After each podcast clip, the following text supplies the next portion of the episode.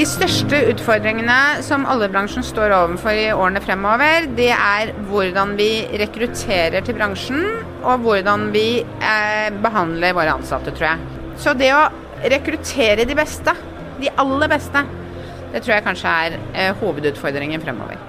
Dette sa Maria Moreus Hansen i en podkast under oljemessa ONS i Stavanger i fjor. Den gang var hun toppsjef i det tyske oljeselskapet DEA, men nå har selskapet slått seg sammen med den tyske konkurrenten Wintershall. Og Maria Moreus Hansen har blitt nestkommanderende i det nye selskapet Wintershall DEA. Hun tror det er flere grunner til at det kan bli vanskeligere å rekruttere til oljebransjen framover. Det er mange som kritiserer oljebransjen pga. klimaaspektene. Og den måten som vi behandler medarbeidere på i nedgangstider. Kombinasjonen av de to tror jeg har gjort at, at det nesten er naturlig å være litt forsiktig med Eller at man er litt, litt usikker på om man ønsker å jobbe i oljebransjen. Og sånn kan vi ikke ha det fremover. Du hører på Det vi lever av, en podkast fra Sysla. Og denne episoden skal handle om nettopp rekruttering til oljebransjen. For hvordan skal næringen sikre at unge vil jobbe der òg i framtida? Mitt navn er Ola Myrseth, og med meg nå har jeg Stavanger Aftenblad-kommentator Hilde Øvrebekk og Tone Samuelsen, som er personaldirektør i Wintersal DA Norge. Velkommen, Hilde og Tone. Takk. Takk. De siste årene har det jo kommet mange historier om at unge rømmer fra de typiske oljefagene. Hvorfor tror du det har blitt sånn, Tone? Jeg vet ikke om jeg vil bare si at det har skjedd nå de siste årene, men det har nok vært en situasjon, tror jeg, som har utvikla seg både i forhold til eh, det grønne skiftet eh, og klimaspørsmål, men òg i forhold til at oljeprisen fikk en dipp. Eh, og klart det gjorde noe med studieopptakene, og det gjorde noe òg med fokuset på de unge. Mm, ja, rett og slett at den oljekrisen som kom, og da, da var utrolig mange som mista jobben, og at det på en måte det er gjerne ikke den beste motivasjonen for unge til å gå inn i det? Nei, jeg, tror, jeg tror, det har en sammenheng, men jeg tror òg at i den perioden der så var vi en del som allikevel reiste til universitetene, allikevel tok inn traineer. og Det tror jeg på en måte var, var viktig, for ellers så mister vi jo hele årskull med viktig kompetanse som vi trenger i næringen. Mm. Mm. Hilde, hva tror du er de viktigste årsakene til at unge ikke er like interessert i å jobbe i olja som før? Nei, jeg er enig i det. For det, det, med finanskrisen, eller ikke finanskrisen, oljekrisen, at den har hatt mm. litt å si. fordi at i årene før oljekrisen så var det veldig boom, og alle de eh, studentene som gikk på første år, var omtrent eh, garantert jobb etter mm. tre år. og Eh, og det var mange som faktisk hoppet av studier fordi at de ble tilbudt en jobb. Eh, det var, de skrek etter arbeidskraft både her og der, og, og da tror jeg at, at de unge ikke så det på samme måten. Og så samtidig, da, i 2015, så ble det jo vedtatt denne Parisavtalen mm. om klima, og etter det så har det jo vært sånn i hele verden globalt at klimaengasjementet både blant unge og, og ellers òg i samfunnet har tatt opp mye mer plass. Så jeg tror at, eh, at eh, de unge har både sett det at eh, Oi, denne industrien var visst kanskje ikke så stabil som vi trodde. Og òg det at nå når vi skal over på noe nytt, så vil de ha en jobb så de, de ser at kan være trygg i mange år framover. Mm. Og, og, det tror jeg at mange av de unge eh, ikke ser på som oljeindustrien, at de jobbene der er det av ordskiftet, av klimaengasjement, av eh, usikkerheten, rett og slett. Mm. Så kommer vi tilbake til flere av disse poengene etter hvert. Men hvis vi ser litt til politikken, for dette, mange ungdomspartier har jo tatt veldig radikale standpunkter mot norsk oljevirksomhet. Hva er på en måte sammenhengen her, Hilde?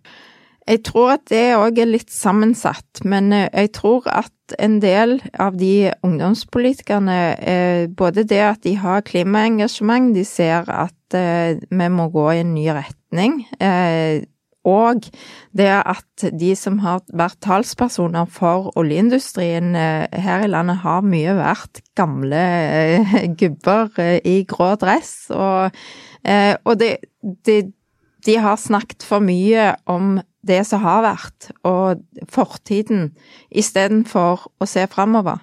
Og de unge ser framover. Eh, de unge ser hva som skjer. De, de blir fortalt eh, av enkelte i bransjen at de mangler utdanning, at de er kunnskapsløse når de ikke klarer å se hvor mye olje- og gassindustrien betyr i dette landet. Men, men disse folkene er ikke kunnskapsløse, de er, folk med utdanning, og de er folk som rett og slett ser at kanskje samfunnet er i endring. Så jeg tror vi må ta de på alvor.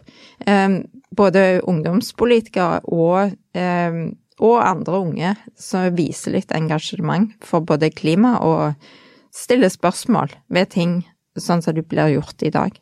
Jeg er helt enig, for jeg tror egentlig at, at det å, å for, for ungdommene, ungdomspartiene, men òg for de unge i dag som på en måte skal ta noen valg, så er det viktig å få de i tale. Og så er det òg viktig eh, både å vise respekt, men eh, det vi ser òg er at når vi går ut på universiteter f.eks.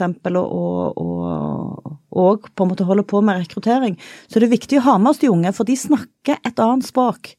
De treffer på en annen måte, de vet på en måte hva de er opptatt av. Sånn at jeg tenker òg at vi må ikke snakke om forgangne tider, vi må snakke framover. Og vi må invitere de med på de skiftene som vil komme, enten vi vil eller ei. Så det er de som er generasjonen som skal ta over. Eh, og da tenker jeg at med å invitere de inn, med å kommunisere på et vis som de òg forstår, og med å vise en gjensidig respekt, så tror jeg vi kommer veldig mye lenger enn å ha en sånn argumenterende debatt, der på en måte eh, en kanskje framstår som en, en eh, oljebransje som kun tenker på velferd og penger, og ikke på klima. Og det er klart, med den eh, tenker jeg, den, den, optimismen og den idealismen som kanskje òg ofte rår blant unge, eh, så er det viktig å ta det òg på alvor, for det er en del av det store bildet. Og jeg tror jo at noe av det som, som vi som bransje sammen med Norsk olje og gass har gjort, både når vi hadde et prosjekt som het Den nye oljen, der vi hadde ungdommer inne som sjøl var med og fortalte oss hva vi burde si, som sjøl var rundt og snakket med ungdommen, så får du et nytt og annet bilde. Um, hva, hva, sa de at dere burde si, da? De sa nok både at vi måtte lytte mer, mm. og òg at de gamle argumentene i forhold til at det var vi, altså oljebransjen, som hadde bygd Velferds-Norge, de ga nok egentlig litt mer blaffen i det. Um, og jeg tror at istedenfor å bygge opp da en argumentasjon der vi argumenterer mot hverandre, så er det ikke et enten-eller, det er kanskje mer et både-og. Men jeg har som sagt veldig tro på å invitere de inn, uh, og det er klart, i det selskapet som jeg representerer, så har vi òg gjennom den krisen som var, Eh, rekruttert trainees eller graduates gjennom hele biten, og det tror jeg har vært utrolig viktig. Det sier noe om selskapet, men det sier ikke minst noe om at det er de som faktisk skal overta. Og det gir en litt annen valør, og de har lært oss masse. Absolutt. Eh, og det året som kommer nå òg, så ansetter vi nå fem nye traineer. Dette året lokalt i, i, bare her i, i Norge, fra selskapet vårt. Så det, ja. Det, jeg tror det er viktig. Litt for å fortsette på, på samme sporet. Hilde, tidligere så var jeg og deg på, i London på Equinors kapitalmarkedsdag. og Da skrev du en kommentar hvor du var inne på flere av disse her temaene. Blant annet så skrev du at oljeindustrien må finne en ny måte å snakke med de unge på. Hva la du i det? Det handler jo litt om å lytte. Det handler jo litt om å ikke bruke denne gamle retorikken. Altså, jeg går rundt på ganske mange eh, oljekonferanser og forskjellige typer klima og debatter som jeg hører på. Og, og det, det, som er gjennomgående egentlig, er at oljebransjen bruker den samme retorikken om igjen og om igjen. Eh, du hører den norske oljen er, er den reneste i verden. Eh, vi har tjent så mye eh, på oljebransjen, derfor, derfor må vi fortsette. Eh, uten eh, norsk gass så kommer ikke Europa til å fungere. Men det er veldig lite snakk om løsninger og det som kommer fremover. Det er sånn som Tone sier òg, at det, vi må ta med de unge inn i diskusjonen. Vi må snakke de språk. Mm. Det nytter ikke at du står der som Equinor-sjef og forteller de unge hva de skal gjøre. Du må, du må ta dem med i diskusjonen. Du må, du må si hva tror dere? Hva er framtiden for dere? Og så må du vise at den kompetansen som ligger i bransjen, Eh, du kan ikke bare stenge den ned heller. Du må, du må vise hvordan du vil utvikle den videre, sånn at den i framtiden kan brukes i andre bransjer, og at de unge kan få lov til å være med på den reisen, eh, istedenfor å sitte og, og, og, snakke om de samme tingene om igjen og om igjen og om igjen. Det tror jeg ikke de vinner noen ting. Hva tenker du Tone, hvordan kan eh, oljebransjen, eller hva må dere gjøre for å lokke unge inn til dere i, i, i framover? Jeg vil nok ikke si lokke, men jeg, jeg, tror jeg vil invitere dem. Rett og slett og si at vi trenger den kompetansen. Eh, og vi trenger på en måte den energien de bringer inn i forhold til å videreutvikle olje- og gassnæringen og energinæringen generelt eh, framover. Og da trenger vi de unge inn til å faktisk gjøre det innenfra. Så jeg tror jeg ville heller si at jeg vil ikke lokke dem, men jeg vil heller invitere dem inn. Invitere dem på arenaer både til diskusjon, og òg invitere de inn i forhold til den kunnskapen og kompetansen de sitter på. Vi, har, vi, vi snakker selvfølgelig om det grønne skiftet, men vi snakker òg om digitalisering. Det er så mange nye spennende ting som skjer. Vi snakker om, om ikke bare olje og gass Eh, vi snakker òg om, om, andre typer energikilder. Men alt dette vil komme framover. Eh, og vi vil trenge den kompetansen de besitter til faktisk å ta næringen og energinæringen videre. Mm. Og så er det jo nyanser her. Det er ikke sånn at ingen unge vil jobbe i oljeindustrien. Eh, nylig så ble den nye den årlige studentundersøkelsen offentliggjort, og den viser at Equinor er tilbake som en av de absolutt mest populære arbeidsplassene, både blant økonomistudenter, teknologistudenter osv. Eh, men samtidig så viser han at veldig mange, og spesielt teknologistudentene, ønsker å jobbe med fornybar mm. energi. Hva forteller dette oss, eh, Tone? Jeg, jeg, tror det forteller oss eh, litt av det samme. Det forteller oss at ungdommen er opptatt av klima. Og selvfølgelig så er det viktig. Jeg tror ikke vi skal kimse av det. Ehm, jeg tror vi vil gå en framtid i møte der ting vil endre seg, som det har gjort hvis du ser bakover i tid. Jeg tror fortsatt olje og gass vil være viktig eh, når vi ser framover. For Wintershall DA så har vi 70% som er gass. Det er klart for Europa som sådan så, så vet vi at det å bytte ut kull med gass, det gjør faktisk noe i forhold til klima. Men jeg tenker det stopper ikke der. Og den nye generasjonen eh, i Wintershall DA og i andre selskaper, de er med å bringe på en måte dette videre. Og tar den kompetansen som vi har i dag, og videreutvikle. Og det er masse spennende som skjer.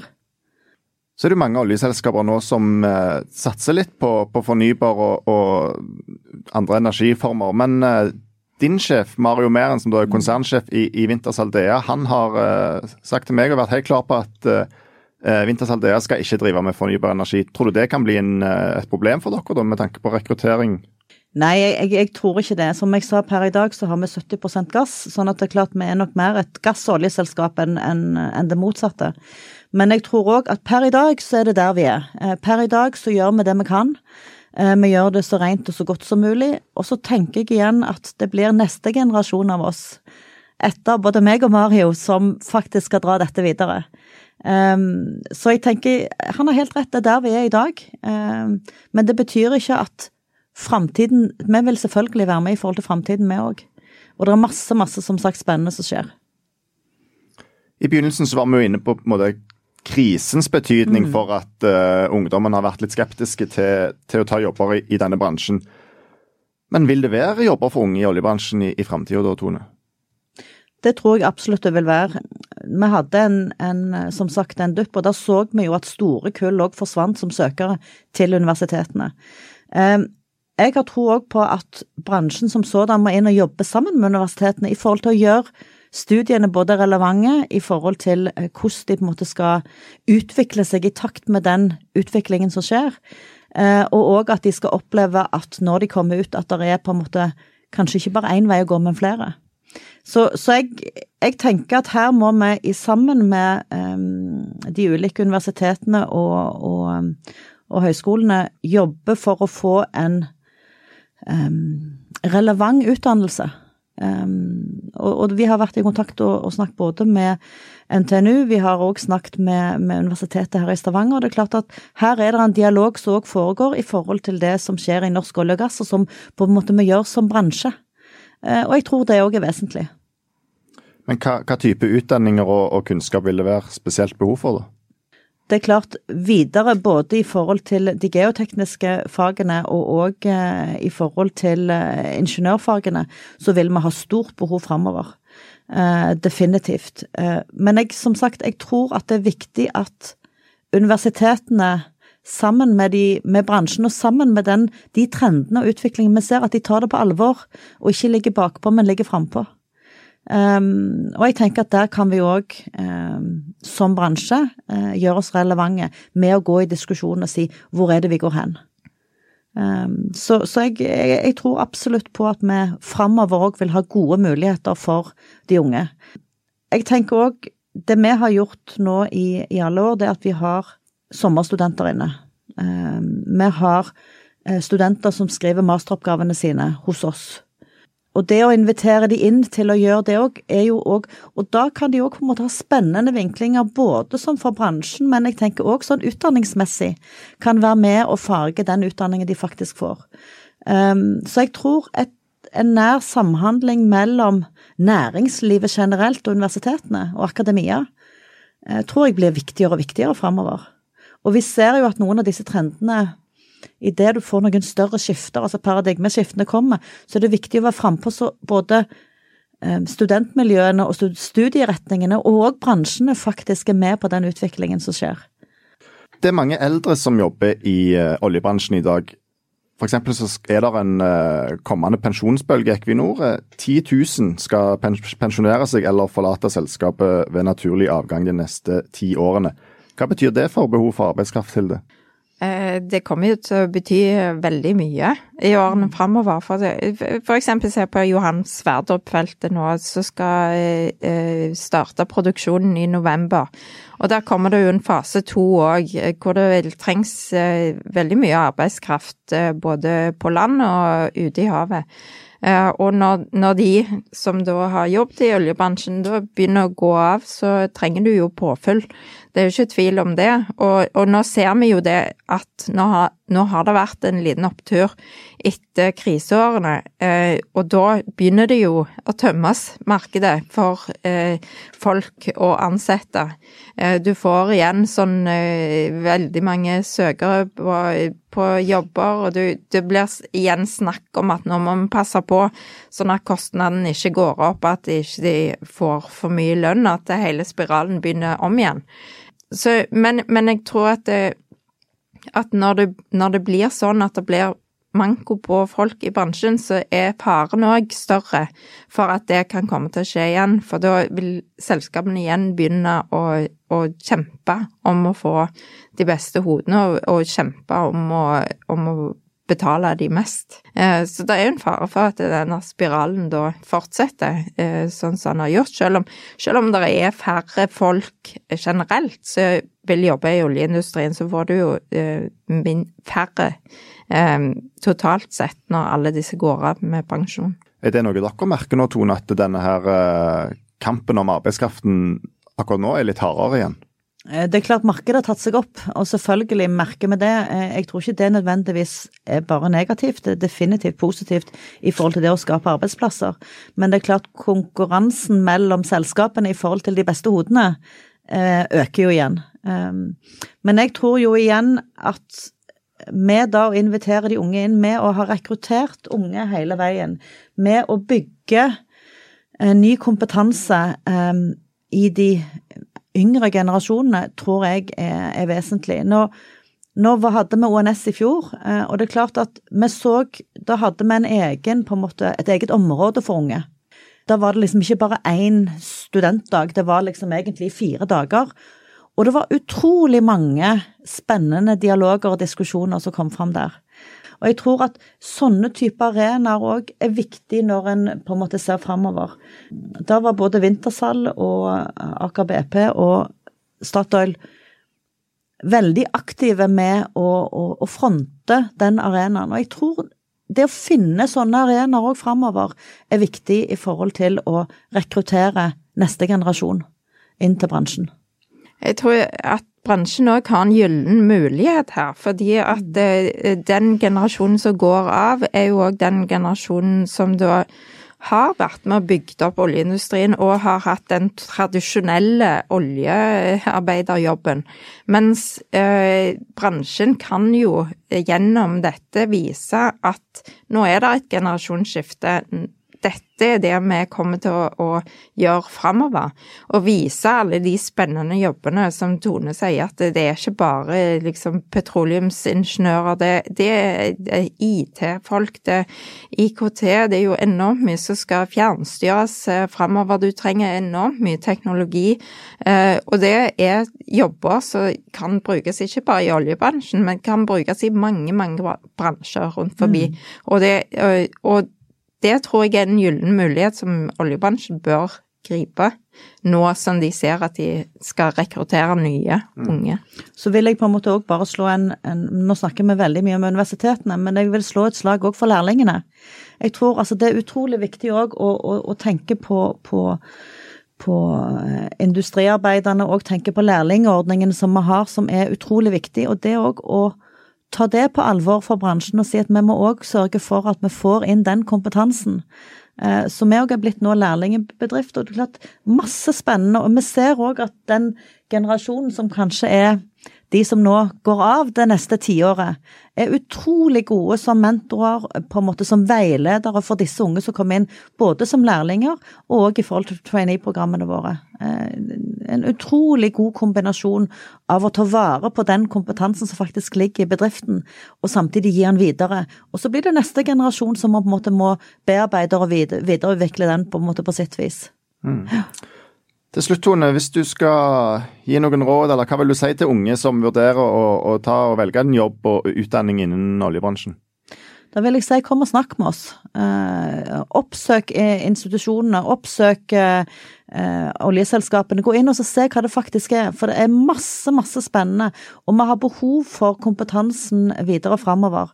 Nå prøver vi å være på en del arenaer for, for, å snakke med studenter, for å snakke med, med potensielle lærlinger og videre framover.